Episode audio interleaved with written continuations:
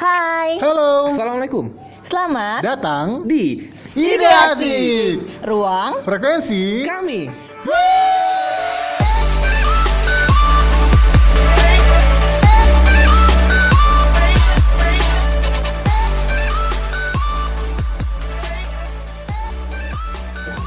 Halo semuanya, balik lagi bersama kita Hai.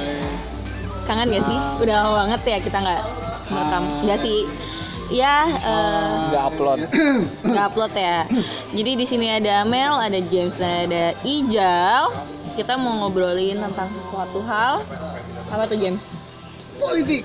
politik. Nggak sebenarnya politik sih. Yang pasti di sini kita mau menyambut suatu undangan akbar di tahun ini yang ditunggu-tunggu oleh semua orang yang dinanti-nanti lu menanti nggak Jal? Nggak terlalu sih. nggak terlalu ya. Mungkin orang-orang mikirnya ah segera sudahi saja gitu ya. Ya apa pun. Capek. capek Oh, belum apa belum capek. Padahal ini hal yang mungkin kalau menurut gue eh, apa ya menyenangkan harusnya. Jadi suatu ajang yang sangat menyenangkan. Jadi kita lagi mau ngomongin tentang pesta rakyat Indonesia. Pesta demokrasi rakyat Indonesia Mereka agak lemes ya. Ya udah biarkan mereka dengan gaya mereka. Mungkin mereka hari ini kurang dukosa kali ya. Nah jadi kan di minggu-minggu ini eh beberapa hari kemudian kita akan men- eh, menemui pesta rakyat besar yang di mana seluruh rakyat Indonesia berapa rakyat Indonesia sekarang James 250 juta. Tapi yang punya hak 260 suara juta lebih 230. Ya, yang baru mendapatkan undangan undangan akbar itu baru 210 juta ya. Jadi dari 250 juta masyarakat Indonesia, rakyat Indonesia sudah terundang 210 juta Berarti ada peningkatan 20 juta ya? ya di pesta rakyat ini. Oke, kita nggak membahas peningkatannya.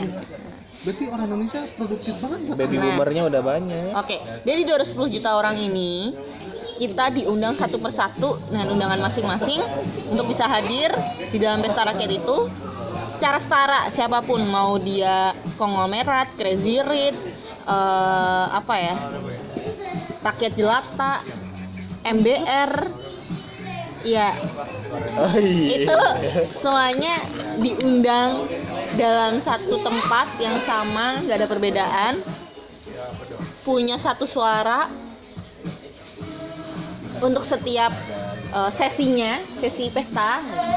Nah sekarang aku mau nanya ini buat kita mau bahas itu tuh gimana sih cara menikmati pesta eh, rakyat itu sendiri gitu nah karena kan mungkin orang-orang kayak menganggap eh, ini suatu hal yang melelahkan. Ada yang bilang capek lelah ingin sudahi saja gitu kan. Tapi kan seharusnya ini ke apa ya, ini hanya lima tahun sekali loh pestanya nggak terulang gitu kan. Dan setiap pesta itu selalu ada keputusan besar yang terambil gitu. Nah gue mau nanya ini sama teman-teman di sini. Kalau kalian udah pada dapat kan undangannya? Belum. yakin loh? Yakin.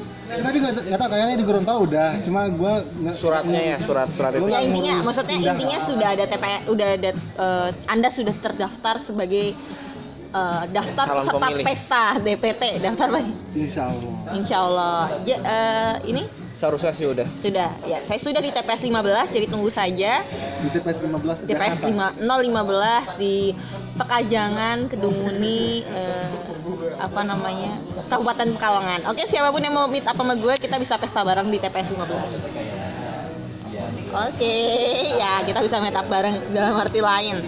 Nah, kalian sebagai orang-orang yang eh, enggak, pertama gue nanya dulu nih, ini kan tiga orang perantau semua nih. Kalau gue balik ya, gue balik ke rumah memanfaatkan libur itu untuk cuti sekalian. Nah, kalau dua orang ini kalian mau hadir apa enggak?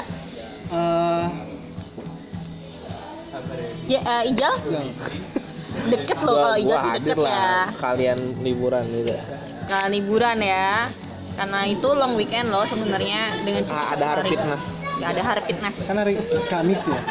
Aku sih balik Rabu, Kamis, Jumat, Sabtu, Minggu. Wow, lima hari bos di rumah. Kalau. James gimana? Cukup jauh ya Gorontalo. Ya cukup jauh dan harga tiket udah mahal kecuali kecuali ada yang mau endorse Sekalian gua. buat lebaran ya. Kayak maksudnya kayak Si Kang ini kakak eh eh eh nggak ada sponsor di sini. Mohon maaf, jangan disebut. Oke, balik. Enggak, enggak. Nah, kalau James, gue mau nanya, mungkin lo nggak bisa pulang. Udah. Mungkin lo nggak bisa pulang. Tapi pertanyaan gue adalah, apa kalau mau memindahkan lokasi pesta lo ke lokasi terdekat? Atau sudah mengurusnya? Enggak. Enggak. Oke, kita punya satu orang nih yang jelas-jelas akan absen di pesta nanti. Nggak tahu juga sih sebenarnya hari H juga lo bisa ngurus juga sih James. Jadi buat teman-teman yang masih belum terundang, eh, sebenarnya sampai hari terakhir, hari pemilih pun teman-teman masih bisa mengurus undangan tersebut. Asalkan teman-teman punya IKTP gitu. Jadi yang Oh, ada IKTP bisa. bisa. Oh, berarti gue bisa. Jadi lo mau mau pindah ya itu pilihan kamu ya. Jadi intinya eh, teman-teman yang yang belum mendapatkan DPT ataupun eh, apa ya masih galau nih mau balik pulang kampung atau enggak mau di sini atau di mana gitu atau nanti mau dinas atau gimana teman-teman tetap bisa memilih atau teman-teman tetap bisa datang pesta dengan hari dengan modal EKTP teman-teman langsung ke kelurahan dan nanti akan mengurus A5 untuk bisa yang penting teman-teman tahu di deket lokasi teman-teman ketika hari H ketika tanggal berapa? 17 17 April itu TPS terdekat nomor berapa? Nah, dan TPS asal teman-teman nomor berapa? Di mana lokasinya? Nah, Dari nomor berapa? eh ini nih. Dan nanti tinggal ke kelurahan minta sama petugas kelurahan untuk mengurus perpindahan TPS tersebut itu dan disarankan pagi-pagi agar surat suaranya masih tersedia. Itu. Eh gue udah ngasih bocoran sedikit. Ya itu intinya tentang kehadiran dulu. Nah sekarang apa sih yang ada di pesta tersebut sebenarnya? Apa aja sesi apa saja yang akan kita temukan? Apa aja rinciannya? Di dalam pesta itu ada sesi apa aja? Pemilihan Jujur. apa aja? Gue terakhir milih, jadi selama pemilu, baik itu pemilu presiden, pemilu DPR, hmm, pemilu apa lagi ya? Eh, Pilkada, pilkada. ya. Itu selama hidup gua gua baru satu, satu kali ikut. Itu pun cuma pilkada pilkada gubernur. Oh berarti pas Oh. pemilu 2000 ini 2000 sih? Ini 2019 Dua- ya? oh, 2015 2014 pilpres.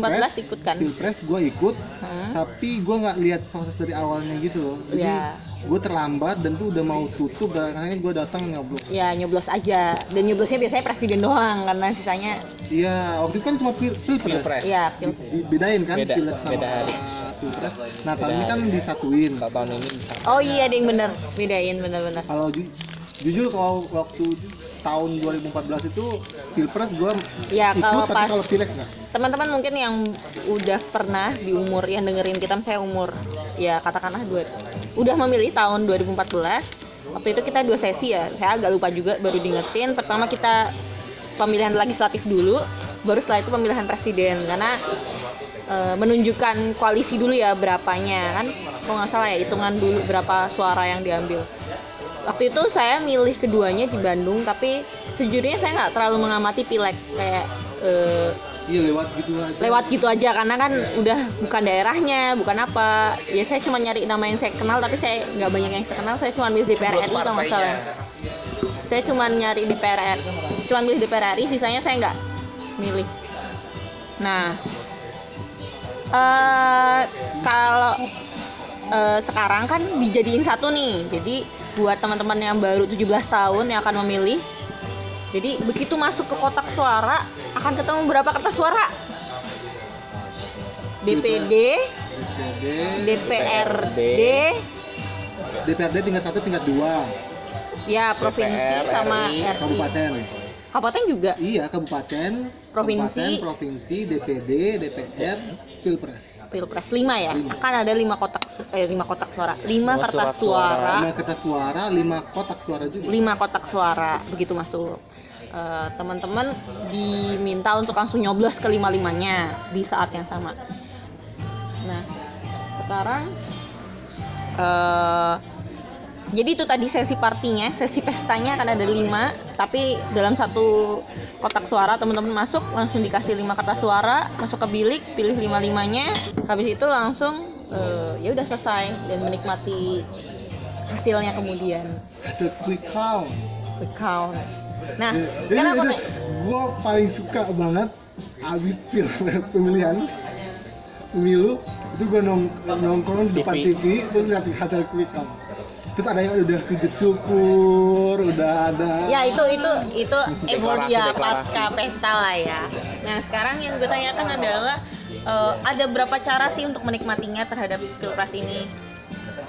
Cara gue menikmati pilpres Cara lo menikmati pilpres gimana? Pemilihan. Enggak pilpres, pemilu, pemilihan. pemilu, konsentrasi pemilihan. Cara lo gue sih? menikmati dengan liburan oke Definisi Eh, liburan di sini liburan? yaitu, gue golput jadi tahun ini gue memutuskan untuk golput akhirnya oke, setelah melalui proses eh, pertapaan yang cukup panjang hmm, dan uh, golput di sini adalah lo nggak akan me- gue memilih untuk tidak memilih. memilih, tapi datang ke TPS berarti. Enggak. Ngapain gue nggak milih terus gue datang ke TPS? Ya nggak apa-apa, itu namanya lo menunjukkan pilihan. Kalau lo kalau lo nggak datang ke TPS itu artinya lo adalah tidak terlihat ya. Ya ini balik oke. Berarti lo adalah golput yang lo milih golput dan memilih untuk tidak datang ke TPS. Iya.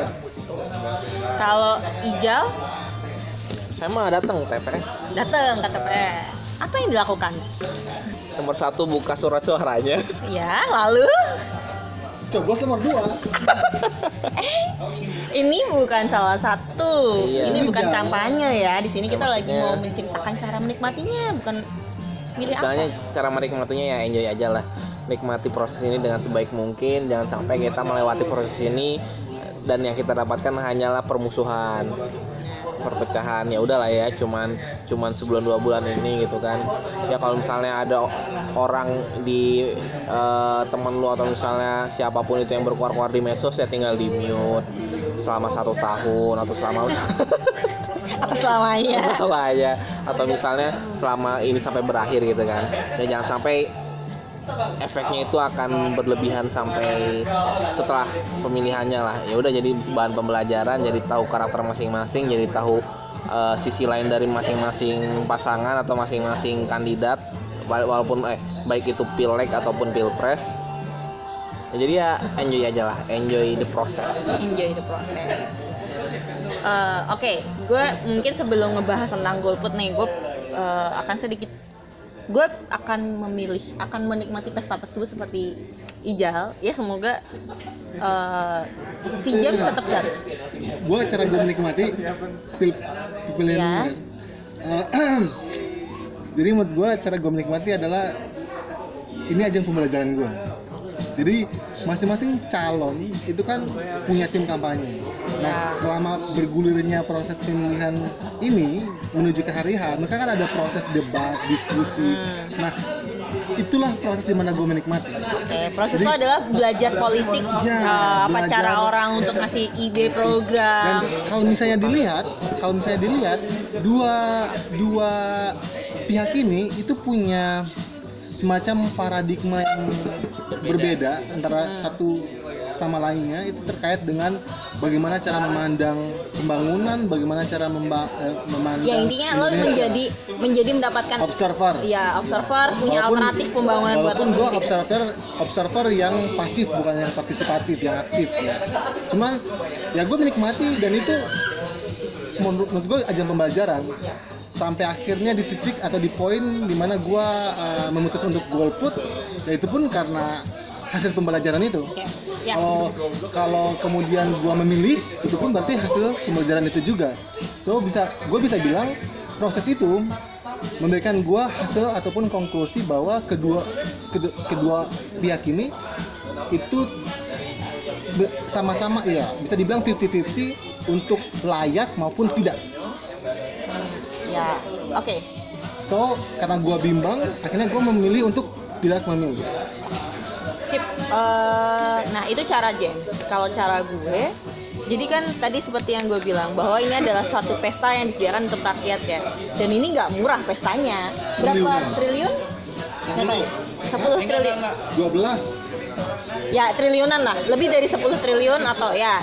Pokoknya intinya triliun. Itu bukan eh, bukan harga yang murah ya. Itu bisa jadi berapa dua atau tiga jembatan dan juga berapa berapa kilometer jalan. Kalau misalnya di di, di convert ya di convert jadi pembangunan itu segitu gitu. Jadi kalau misalnya kita tidak kalau gue nggak menikmati hal tersebut itu namanya mubazir kalau gue ngomongnya ya. Kayak lo udah dikasih kesempatan untuk lo bisa menentukan walaupun mungkin itu nggak apa ya nggak signifikan gitu satu suara gue. Tapi sekali lagi ketika nanti 50,000 berapa dan kurang satu 0,01 pembedanya bisa jadi dari suara gue atau dari suara kalian atau siapa pun yang ngedengerin nih. Jadi eh, walaupun nggak signifikan sebenarnya secara akumulatif itu sangat signifikan suara kita.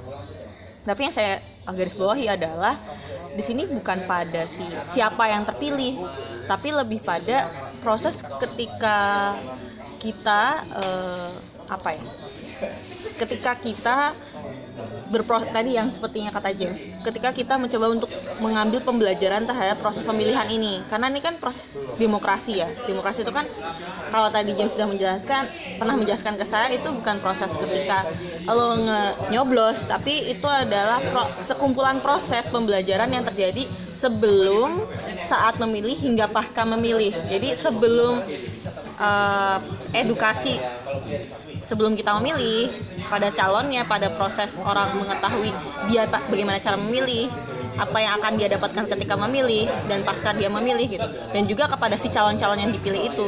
Juga ketika kita memilih dan pasca memilih kita mengawasi siapa yang kita pilih bagaimana hasil yang dipilihnya itu. Walaupun memang eh, tidak langsung secara langsung ya kepada si yang terpilih tapi ya via hasil-hasil yang dilakukan gitu. Jadi eh, kalau gue simpulkan adalah di sini tuh apa ya ini proses edukasi edukasi demokrasi. Karena eh, gue nggak bilang Indonesia itu adalah walaupun orang-orang mengatakan apa ya kelas 4 ya kelas 4 nomor tiga terbesar di dunia. Nomor tiga terbesar di dunia. Dan praktik demokrasi nomor satu demokrasi pilihan langsung. Tim pilihan langsung. Terbesar di dunia. Terbesar di dunia. Kalau Amerika kan cuma politik demokratis keterwakilan kan? Ya Kayak, keterwakilan senator. eh, senator. Jadi eh, bukan electoral vote. Jadi presiden Oh itu iya, dipilih, dari uh. Negara jadi bagian. negara bagian kayak milih A atau B, A-nya yang menang berarti negara itu A, ini negara ya. Kalau kita kan langsung ya, jadi jadi di Amerika itu orang yang punya suara banyak belum tentu menang betul sekali.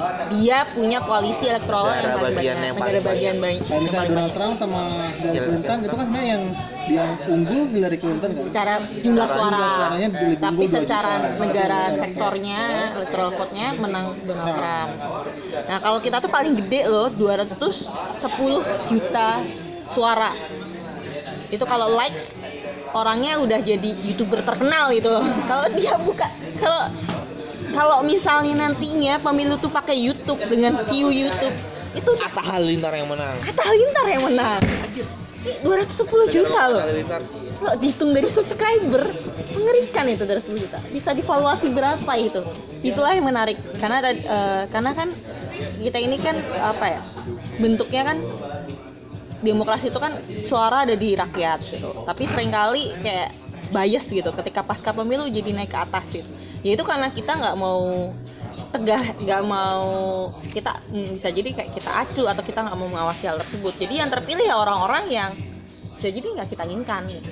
ketika kita mau menginginkan satu perubahan kita mengawasin orang A atau B yang baik yang terpilih ya lakukan. Awasi. Ini nggak ngomongin tentang presiden doang ya tapi kita ngomongin DPR, Ya. DPRD, DPD itu yang juga malah mereka lah yang mengawasi eksekutif kita. Kalau mereka nggak bisa.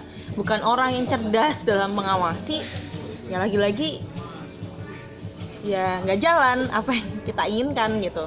Lagi-lagi anggaran yang pajak kita yang Sia-sia. jadi anggaran itu sia-sia karena yang ngawasin juga nggak mampu gitu. Jadi ya menurut gue kenapa nggak kita nikmati gitu proses ini. Dan satu lagi eh, kalau tadi misalnya kata Ijal ada yang berantem lah ada yang beda suara ada yang apa gue rasa itu wajar beda suara. Tapi kalau sampai berantem dan memusuhi bertahun-tahun menurut gue kayak sampai ngeblok eh bukan ngeblok sampai nge-unfollow temen gue di IG Ya itu- wah itu menurut gue nggak masuk akal sih. Ya itu maksud gue adalah eh apa namanya jadi kalau menurut saya kalau itu buat gua kalau misalnya beda pendapat diskusi ataupun debat. Terus itu tiba-tiba lu cek jangan "Loh, kok- baper jangan baper pak jangan baper. ini ngobrol jangan baper. Kok apa eh, sampai di unfollow kayak gitu kan? Itu menurut gua Iya, nggak iya. dewasa sih. Ya intinya kan ini kenapa kita harus berantem untuk sesuatu yang bahkan eh, calon-calon kita aja nggak berantem gitu? Jadi kita tuh me- Dia memberantemkan apa? Mereka nggak berantem cuma gondok-gondok nggak ya ya mereka pun juga nggak mereka juga nggak berkurang hartanya. Ya mereka juga nggak rugi. Tapi tapi gua menurut gua calon presiden itu ataupun caleg apa tuh Hmm. calon apa pun itu yang sekarang mau lagi berjuang untuk mengambil amanat rakyat itu mereka panen itu juga loh pahala. Ngerti gak sih? Diomongin. Iya. Diomongin. Iya nggak malah sih mereka cuma diam-diam doang. Iya, digosipin, Lu dijulitin. bayang- lu bayangkan itu ratusan juta orang ngomongin hal negatif lu itu lu panen berapa pahala men. Tapi ada satu hal yang membuat ini make getting worse itu adalah media sosial sih sebenarnya. Ya dan para buzzer-buzzer yang ada di dalamnya itu yang salah satu mungkin yang bisa Betul. Membuat- sama buzzer. Ya kan lu salah satunya ini depan gue ternyata buzzer-buzzer ya. Gue kayak gue kalau komen tuh cuma untuk diketawain sih. Coba convert energi si energi kita dalam mencaci itu dipindah ke ngepoin eh, DPR atau DPRD yang akan kepilih gimana profil pendidikan mereka, profil karya mereka. Itu lebih manfaat daripada kita komen-komen hal negatif. hal negatif. Banyak kok website-website yang aplikasi atau website yang menyediakan eh, kanal untuk kita bisa mengetahui lebih dekat DPR atau DPRD. Kalau pemilu bukan, kalau pemilu untuk memasukkan. ayo milih Ayo milih. Ya nanti gue bisa mention lah di description box mana eh, tempat-tempat yang kalian bisa kepoin calon-calon DPR atau DPRD karena sekali lagi saya ingin menekankan bahwa pesta ini bukan cuma punya presiden tapi pada juga pada DPR, DPRD, DPR RI maupun DPRD kota gitu. Yang di mana mereka lebih banyak yang harus kita pilih dibandingkan si presiden. Kalau presiden dua orang ya kalau DPRD DPR banyak banget. partainya aja berapa? Partainya berapa orang partainya 12 kan sih? 12 13 ya? 12 satu eh. Satu partai satu partai ini enggak sih eh, lokal? Lokal Aceh, Aceh ya 13 tapi ada satu partai lokal di Aceh. Jadi 13 kalau di Aceh kalau yang lainnya 12 terus ternyata eh, partai politik itu pun tidak semuanya 13 eh 12 itu di seluruh Indonesia ada. Karena ya terakhir ada beberapa partai yang akhirnya di pemilihan legislatif itu di-cut. Karena tidak karena laporan terakhir mereka tidak menyertakan eh, anggaran pemilu di, di tingkat Oh, gitu iya, iya. akhirnya di-cut di-cut di-cut. Kayak contohnya yang ya pokoknya intinya yang ada lah adanya ya, nanti udah selesai ya.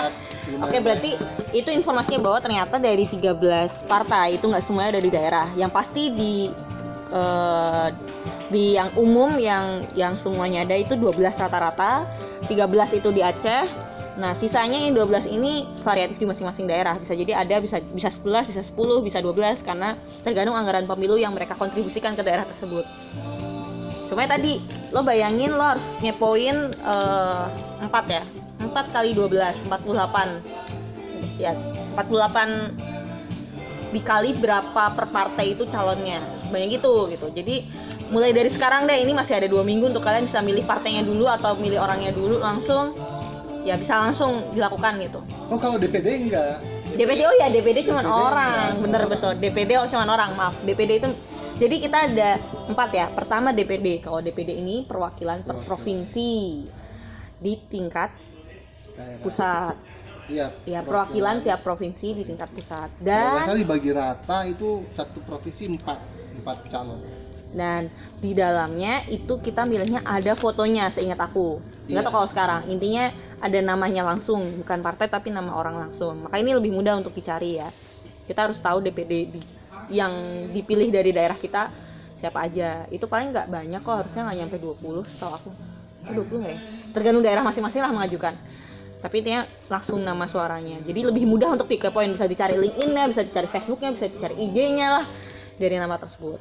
Nah, yang kalau tiga nih DPR RI, yang di mana itu Dewan Perwakilan Rakyat di pusat eh, di Senayan terus DPRD provinsi DPRD provinsi ini untuk tingkat provinsi masing-masing eh, itu dan DPRD kota untuk mengawasi pemerintah kota tiga ini melalui kanal partai jadi di setiap partai ada masing-masing calon dan bisa variatif 1 sampai 5, 1 sampai 6. Jadi kalau di sini kalian bisa keponya bisa lebih banyak kalau di DPR.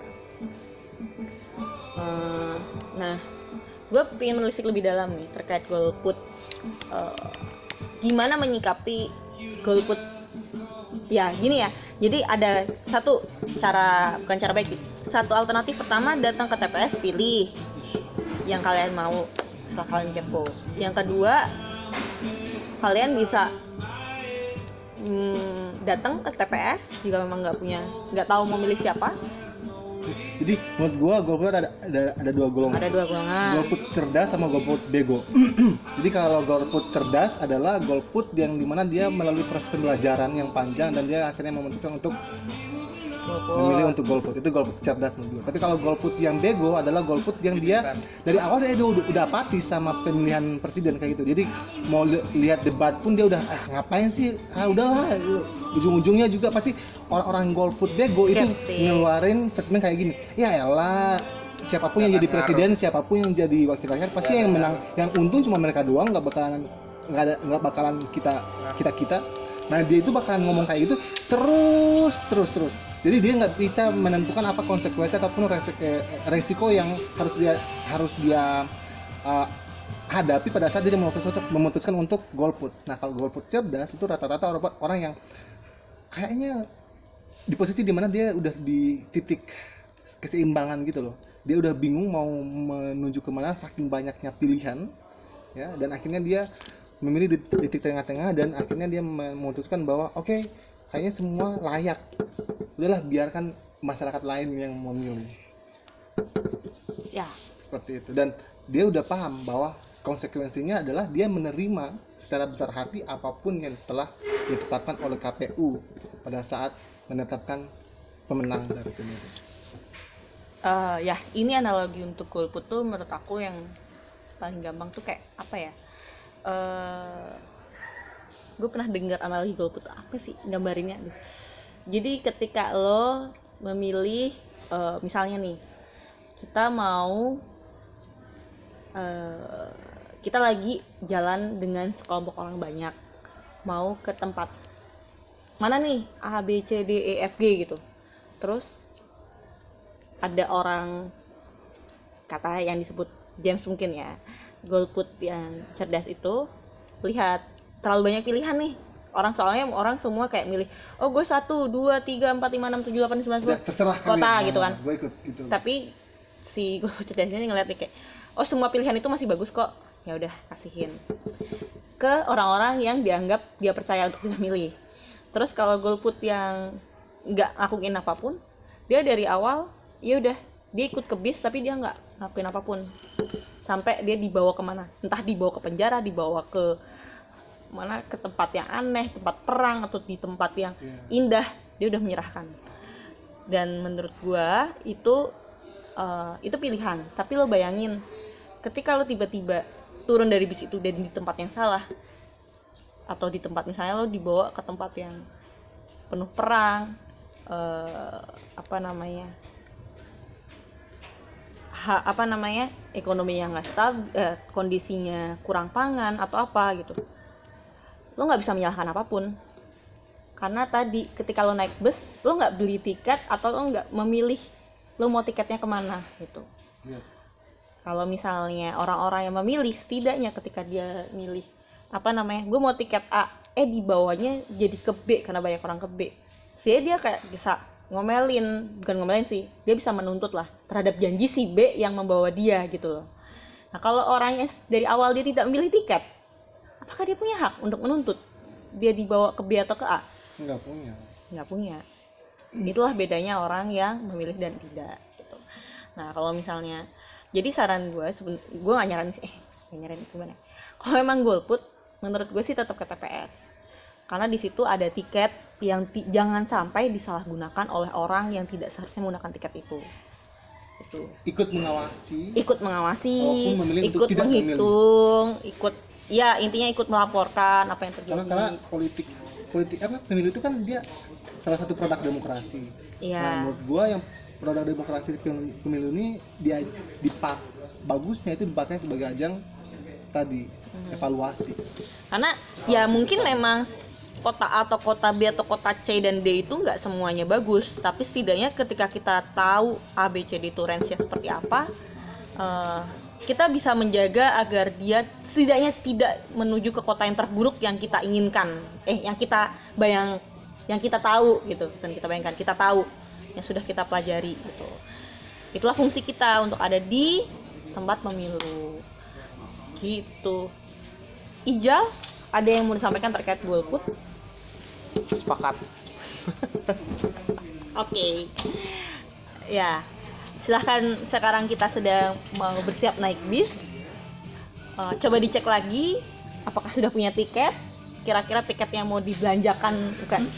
Terus tiba-tiba gua mikir, setelah naik bis, kenaiknya lagi milih siapa nih Jokowi atau Prabowo dua aja Ya nggak juga sih. Ya kenaik maksudnya di bis ini tuh eh, ibarat kata kayak nggak ada supirnya. Supirnya itu si tiket yang kita masukin ketika lebih banyak tiket. MRT MRT ya. ya dari itu ketika ketika kita banyak masukinnya tiket A ya udah dibawanya ke A. Kita milih B atau B gitu ya intinya di situlah Eh, tapi sekali lagi kalau teman-teman punya tiket dan tiketnya dibuang aja jangan protes ketika dibawa ke mana pun gitu. Ya kalaupun ngomel loh gue kan udah beli tiket. Ya tapi tiket lo gak lo pakai gitu kan. Ya, jadi dia nggak punya hak buat protes. Terhadap apa pun yang dibawa nantinya oleh pemenang tiket nanti gitu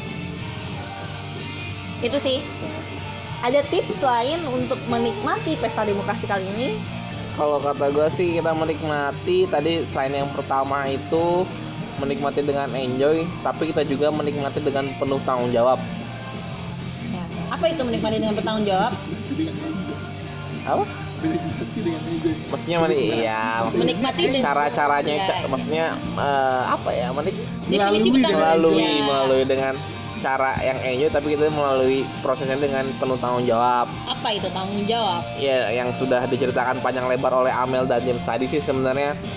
Sebenarnya kita ini punya tanggung jawab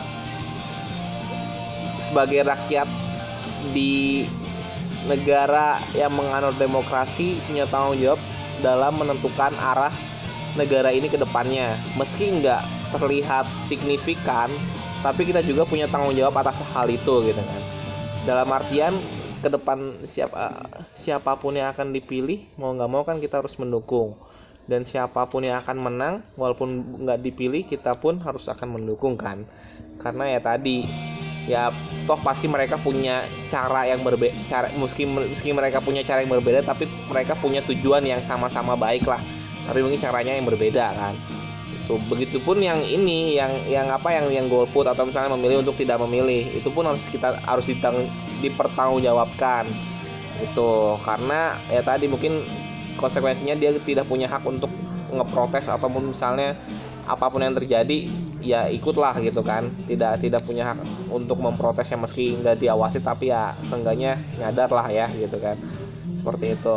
Dan mungkin kalau misalnya kita tarik jauh lagi sebenarnya eh pertanggungjawaban pun ini kan nggak akan kita pegang hanya di dunia gitu kan. Tapi kita pertanggungjawabannya itu dipegang di akhirat juga.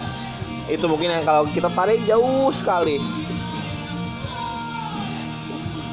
Nah terus?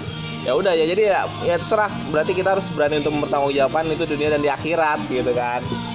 Ya it's your choice gitu kan. Makanya ini perlu perlu pemikiran dan kematangan yang lebih baik gitu dalam menikmati proses demokrasi ini dengan enjoy dan penuh tanggung jawab Ciu, betul sekali. Ya, mulai dari sekarang teman-teman bisa mulai dari pertama pastikan teman-teman sudah memilih eh sudah mendapat sudah tahu DPT-nya akan di mana. Kalau mau pindah segera dilakukan dan tahu prosesnya seperti apa. Yang kedua, teman-teman bisa mulai untuk mencari tahu siapa saja yang akan dipilih. dari lima lima kategori yang akan dipilih itu teman-teman sudah mulai kepo siapa sih yang mau dipilih dari kelimanya terus yang ketiga ya ikut mengawasi kalau menurut aku hadir hadir ke TPS dan memilih meskipun itu golput ya silahkan tinggal coblos logo logo KPU-nya dan Ditulis kasih Ditulis. bahwa semoga tahun depan lebih baik Eh. ya intinya kayak eh, ya kalau emang itu bentuk protes kita eh bentuk protes kita lagi silahkan Eh, pesan terakhir gue ya. iya Pesan Eh, terakhir. enggak enggak ini gue belum bahasan terakhir Oh, belum, oke, oke. intinya eh, kayak biar menunjukkan bahwa memang ada yang nggak memilih gitu loh kalau kita nggak datang kan nggak kebaca ya dan kita nggak tahu surat pemilih kita akan ke mana gitu kan terus yang eh, berikutnya bisa juga ikut mengawasi penghitungan dan si teman-teman bisa bantu kok untuk eh, apa namanya eh, mengawal nilai itu agar tidak salah gitu nggak nggak nggak disalahgunakan si quick count-nya dengan cara apa? Kalau teman-teman tahu kawal pemilu atau website-website yang ikut mengawal pemilu teman-teman bisa bantu memfoto C5 C5 itu kertas plano yang isinya ngitung ngitung di masing-masing TPS itu terus difoto dan diupload. Terus ada hashtagnya deh kalau nggak salah pantau pemilu atau apa gitu. Bisa di Twitter bisa di Facebook. Nanti akan dikumpulkan oleh beberapa orang agar quick count-nya bisa dibantu dengan valid gitu. Memvalidasi si A5 C5 itu. Jadi nggak ya naudzubilahnya C5 nya diapain gitu. Setidaknya udah ada data yang terkumpulkan gitu. Kalau mau kepo lagi bisa kalau bisa langsung ke kawalpemilu.org di situ ada crowd eh, sedang mengumpulkan relawan-relawan yang akan membantu mengawasi pemilu di setiap TPS-TPS di Indonesia. Ada 800 ribu TPS di Indonesia. Lo bayangin, banyak banget bos. Untuk 800 ribu untuk 21 juta, eh 210 juta memilih. So much. 210 juta tuh 190 juta sih. Itu 20 juta itu ini pemilih aktif. Bisa jadi bocah-bocah gitu kan enggak coy. Enggak lah. 180 180. No, 2000 enggak 2014 aja itu 197 juta. Ya intinya puluhan ratus juta lah. Gua ratusan Pesan juta. gua buat seluruh para pendengar khususnya milenials mau jadi warga negara ya harus jadi warga negara yang cerdas. Cerdas maksud dalam arti kata lu kalau jadi pemilih pun pemilih yang cerdas pada saat lu memilih untuk jadi golput pun lu harus jadi gol- orang pemilih golput yang cerdas. Ya itu aja. Menerima segala konsekuensi atas segala keputusan. Betul. karena itu warga indikator mutlak bagi seorang warga negara yang cerdas. Iya. nggak mau kan disebut em, ya sekarang kita jadi pemilih yang bijak milenial yang cerdas untuk bisa manfaatkan momen pemilu ini dengan sebaik-baiknya dan sekali lagi catatan dari Ija- eh, Ijal itu bukan masalah hari apa ya sebelum pemilu ataupun hari H pemilu tapi pasca pemilu. Kita tetap aktif untuk mengawasi apa yang sudah kita pilih atau hasil yang terpilih eh, dan tetap waras. Eh, karena tidak ada gunanya memecah belah hanya karena berbedaan pilihan. Karena tetap ujungnya ini untuk Indonesia kan bukan untuk si A dan si B yang terpilih gitu. Mereka hanya apa ya mereka hanya nahkoda yang menjalankan kapalnya tapi kapalnya tetap satu Indonesia dan itu tetap harus kita jaga gitu. Ya kalau misalnya kita gara-gara nahkodanya beda dengan kita terus kita ngebocorin kapal itu namanya kita membunuh diri kita sendiri gitu. Kita sedang eh, menghancurkan kapal kita sendiri kalau kita nggak mau membantu nahkoda yang sudah terpilih gitu. Jadi ketika nanti sudah terpilih nahkodanya tetap kita jaga kapal kita kapal Indonesia dengan semua yang kita bisa lakukan ada pesan terakhir dari Ijal? Ya kalau dari James pemilih yang cerdas, kalau misalnya gue pemilih yang bertanggung jawab. Mau nomor satu, nomor dua asal tanggung jawab. Atas pilihannya, nggak ikut-ikutan orang, tapi atas pemikiran yang sangat panjang gitu kan. Kalau kata James proses dari pemikiran dan pencarian sangat panjang. Walaupun lu golput juga ya minimal bertanggung jawab atas pilihan lu, atas kemauan lu golput.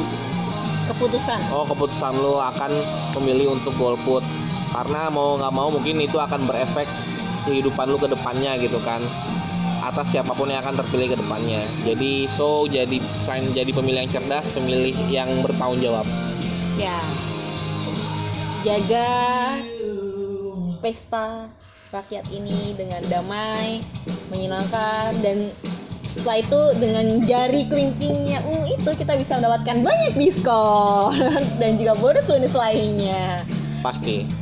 Itulah salah satu motivasinya, Bos. Dan libur panjang. Dan libur panjang, kapan lagi, Bos? Gitu. Jadi ya eh, silahkan teman-teman menikmati dengan cara teman-teman menikmati dengan cara teman-teman dan mencintai eh, dan menyalurkan cinta kalian ke Indonesia dengan cara kalian. Oke, Oke. sampai ketemu lagi, sampai jumpa di pesta rakyat di mana pun teman-teman berpesta. Safe keep peace, oke? Sampai jumpa di podcast berikutnya.